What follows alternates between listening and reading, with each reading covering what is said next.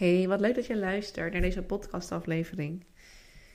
Onlangs in een uh, polletje op Instagram had ik gevraagd: uh, waar wil je nog meer over horen? En ik had een paar opties gegeven.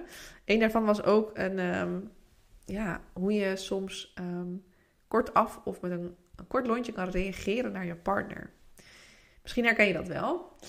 Uh, ik herken dat zeer zeker. Als ik een beetje je meeneem in mijn verhaal, is um, toen ik midden in mijn perfectionisme in volle glorie zat, uh, waar ik er heel veel last van had, toen was ik best, had ik best wel wat strijd met mijn vader. En um, waarom? Ik reageerde gewoon best wel heel erg fel. Ik had altijd het gevoel dat als hij iets zei, dat hij me aanviel, dat ik iets niet goed had gedaan. Um, ja, ik nam het heel erg persoonlijk als er iets was. Ook al was het ofwel niet eens persoonlijk bedoeld. Of ja, zei het vooral iets over wat ik had gedaan. Of wat ik had, ja, in plaats van over mij als persoon. Maar ik nam het wel heel erg persoonlijk. Dus het voelde gewoon alsof, ja, alsof ik het niet goed had gedaan. En dat is gewoon echt een kutgevoel. Laten we eerlijk zijn. Um, dat is niet fijn. En daardoor beet ik van me af. Het voelde alsof ik mezelf moest verdedigen. Het voelde alsof ik uh, voor mezelf moest opkomen. En dat betekende dat ik dus fel reageerde. Uit emotie, want ik voelde me in een hoek gezet of zo. Hè. Je voelde je gewoon niet helemaal serieus genomen. Um, ja, of um, misschien tekort gedaan. En dan kan het nog wel eens zijn dat je dus kortaf een boos, gepikeerd of wat dan ook reageert naar mensen die dichtbij je staan. Die zijn vaak als eerste de klos. Dus je partner, je ouders, je vrienden. Waarom? Omdat zij um, ja, veilig en vertrouwd zijn. En je daar denk ik eerder op tafel legt waar je mee zit. En dus ook de, de vervelende dingen. Um, dan bij mensen die je niet kent. Want dan ben je vaak bewuster van hoe je reageert en um, wat je tegen iemand zegt. Uh, maar tegelijkertijd kan je ook zien dat je bijvoorbeeld in het verkeer of zo, als er iemand je afsnijdt, dat je buiten, buitensporig boos kan worden of zo. Um, hè, omdat er toch vaak al iets onderliggend is. En dat is eigenlijk de boodschap die ik met je wil delen in deze podcast.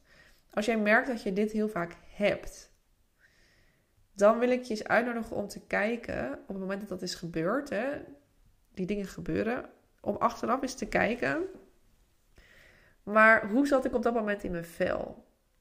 Voelde ik me lekker? Had ik een goede dag gehad? Was het rustig in mijn hoofd? Was het druk in mijn hoofd? Um, had ik veel gedaan? Of, hè? Dus wat ging er aan? Dat mag je voor jezelf dan eens bekijken.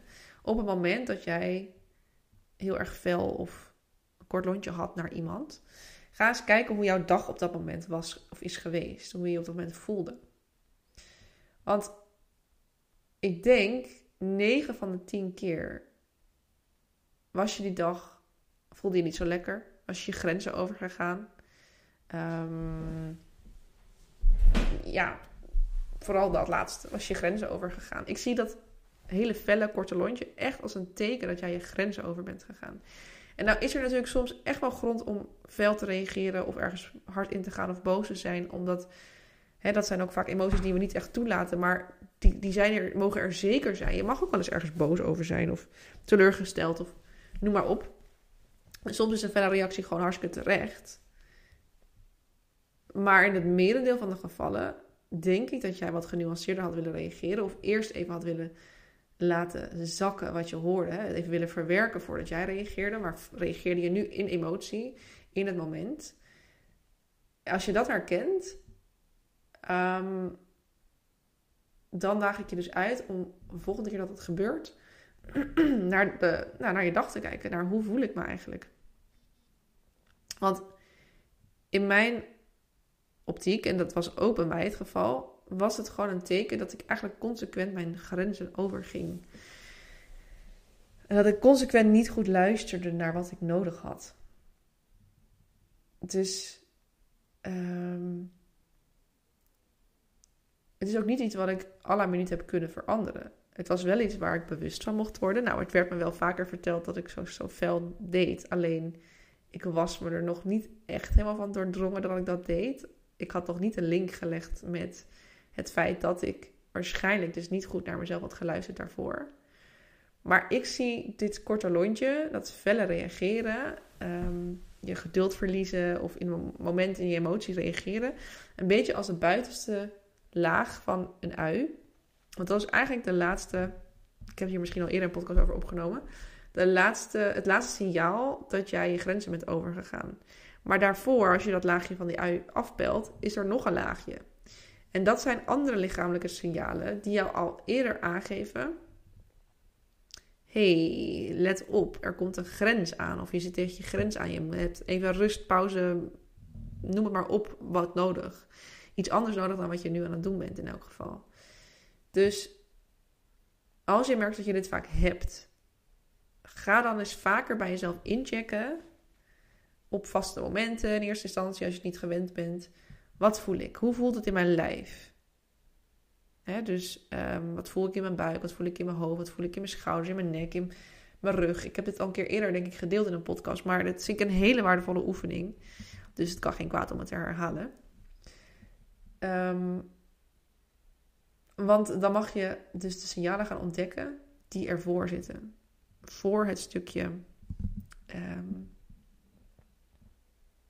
ja, voor het stukje van die felle reactie. Er is meestal al zoveel aan vooraf gegaan. En daar ben je nu nog niet bewust van. En door deze podcast ga je daar een beetje op gaan opletten, waarschijnlijk de komende tijd. En dan ga je ontdekken waar het in zit. ga je ontdekken, oh ja, die dag had ik ook echt zes meetings en allemaal back-to-back. En uh, ik had eigenlijk helemaal geen moment voor mezelf. Voelde me heel opgejaagd, heel gehaast. En daardoor reageerde ik waarschijnlijk zo. Is niet meteen een oplossing, maar hoe fijn is het om te weten waar het vandaan komt. En dan kan je het wel bespreekbaar maken. Dan kan je zeggen als je thuis komt en je partner wil meteen iets van je. Van, hey, sorry, ik heb vandaag zo'n drukke dag gehad. Ik wil heel even vijf minuutjes voor mezelf. Anders dan kan het zijn dat ik straks, nou ja, je kop eraf wijze van. En dat wil ik niet, want het heeft niks met jou te maken. Het heeft alles te maken met de drukte op mijn werk. En dat geeft dan weer zoveel lucht om het überhaupt uit te spreken. Jezelf even ruimte te geven, als het vijf of tien minuten. Ik weet dat dat voor heel veel mensen voelt alsof dat niet kan. Helemaal als je misschien kinderen hebt. Maar ook dan kan je echt vijf minuutjes voor jezelf nemen. Vijf minuutjes heeft iedereen. Waarin je bijvoorbeeld even terugtrekt, geen prikkels. Ehm, in je eigen kamer, weet ik het wat. Uh, even alleen ademhalen, misschien gewoon heel kort douchen, noem het maar op. Even afschakelen. Zodat je niet zo snel in die emotie gaat reageren. Um, en uiteindelijk wil je natuurlijk het liefste dat ook de oorzaak van die eerdere lichamelijke signalen bekend wordt. Zodat je daar wat aan kan doen. Zodat je overdag ook niet meer zo opgejaagd en gestrest bent en thuiskomt en dat op die manier uit. Want je hebt die stress het liefste natuurlijk helemaal niet. Dus je mag ook daar naar kijken. Maar dat is een onderwerp voor een andere podcast. Alright. Dat was hem voor vandaag. Leuk dat je geluisterd hebt. En tot weer bij de volgende aflevering.